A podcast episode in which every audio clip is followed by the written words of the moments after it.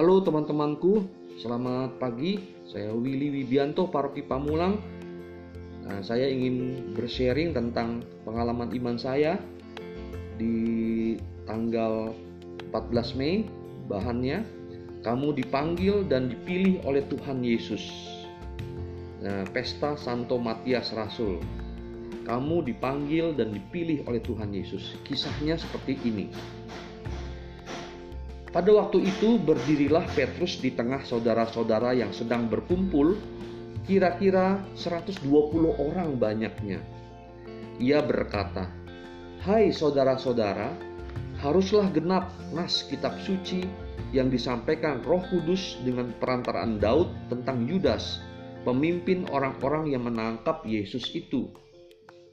Dahulu ia termasuk bilangan kami dan mengambil bagian di dalam pelayanan ini. Sebab ada tertulis dalam kitab Mazmur, biarlah perkemahannya menjadi sunyi, dan biarlah tidak ada penghuni di dalamnya. Dan lagi, biarlah jabatannya diambil orang lain. Jadi harus ditambahkan kepada kami satu orang yang dipilih dari mereka yang senantiasa datang berkumpul dengan kami, yaitu mulai dari baptisan Yohanes sampai hari Yesus terangkat ke sorga meninggalkan kami. Bersama kami, ia harus menjadi saksi tentang kebangkitan Yesus. Lalu mereka mengusulkan dua orang, Yusuf yang disebut Barsabas dan yang juga bernama Justus dan Matias. Mereka semua lalu berdoa, "Ya Tuhan, Engkaulah yang mengenal hati semua orang. Tunjukkanlah kiranya siapa yang Engkau pilih dari kedua orang ini untuk menerima jabatan pelayanan, yaitu kerasulan yang ditinggalkan Yudas yang telah jatuh ke tempat yang wajar baginya." Lalu mereka membuang undi bagi kedua orang itu, dan yang kena undi adalah Matias.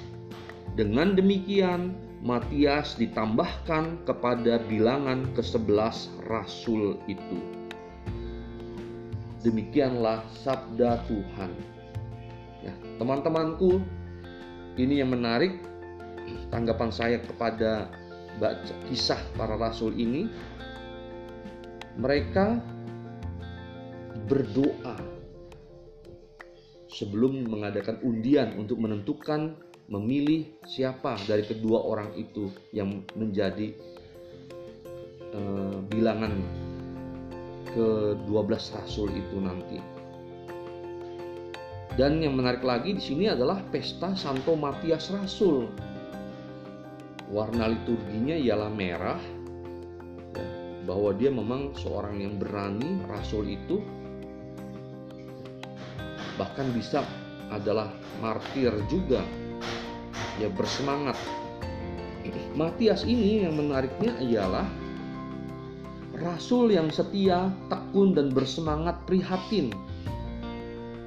Nah, ini menarik buat saya, bersemangat prihatin. Semangat prihatin. Prihatin ini kalau saya lihat di kamus umum bahasa Indonesia ialah was-was, juga artinya introspeksi diri. Dia juga menahan diri. Itu namanya prihatin. Menahan diri dari mungkin dari bicara, dari berbicara, menahan diri dari emosi, menahan diri dari kebiasaan reaktif kita. Jadi sabar orangnya. Dia ini kelihatannya rajin berdoa, bermeditasi Kristiani. Karena sabar ya, karena dia menahan diri, bersemangat prihatin. Di zaman now ini sangat penting sekali bersemangat prihatin ini yang menahan diri. Dengan kata-kata kita yang mungkin bisa menyakiti orang lain. Jadi kita harus menahan diri, berpikir dulu sebelum berbicara dengan kata-kata kita yang baik.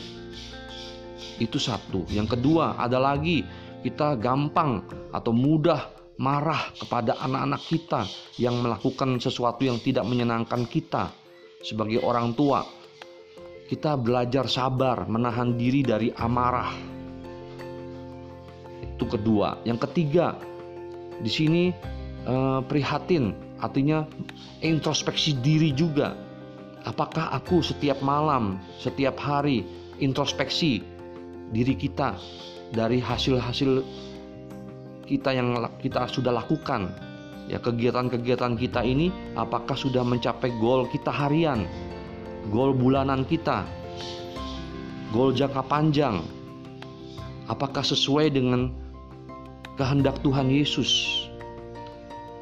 Jadi sangat penting sekali di zaman now ini di zaman apalagi uh, prihatin juga uh, di masa COVID-19 di rumah ya banyak sekali saya dengar dari khotbah seorang pastor di Semarang bahwa terjadi KDRT kekerasan dalam rumah tangga karena masalah ekonomi yang terutama. Nah, kita belajar untuk semangat prihatin, menahan diri dari emosi marah kita. Ya, menahan diri untuk tenang, tidak panik, tapi kita mencari solusi untuk ekonomi kita. Nah, teman-temanku, kamu dipanggil dan dipilih oleh Tuhan Yesus. Dan saya mengalami saya dipanggil dan dipilih oleh Tuhan Yesus di dalam komunitas Couples for Christ.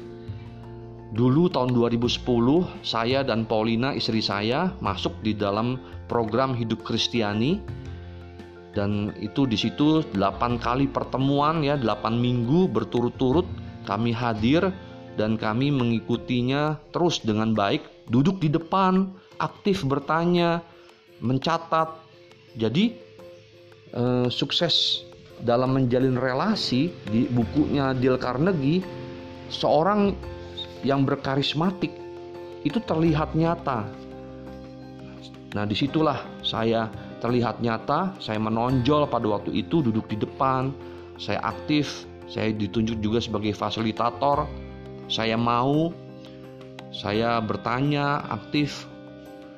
Pada saatnya bertanya, eh, sehingga saya terpilih untuk menjadi host leader langsung pada waktu itu eh, di unit di di daerah Pamulang tapi saya masuk ke BSD juga karena paroki Pamulang belum ada uh, komunitas kapas forecast pada waktu itu.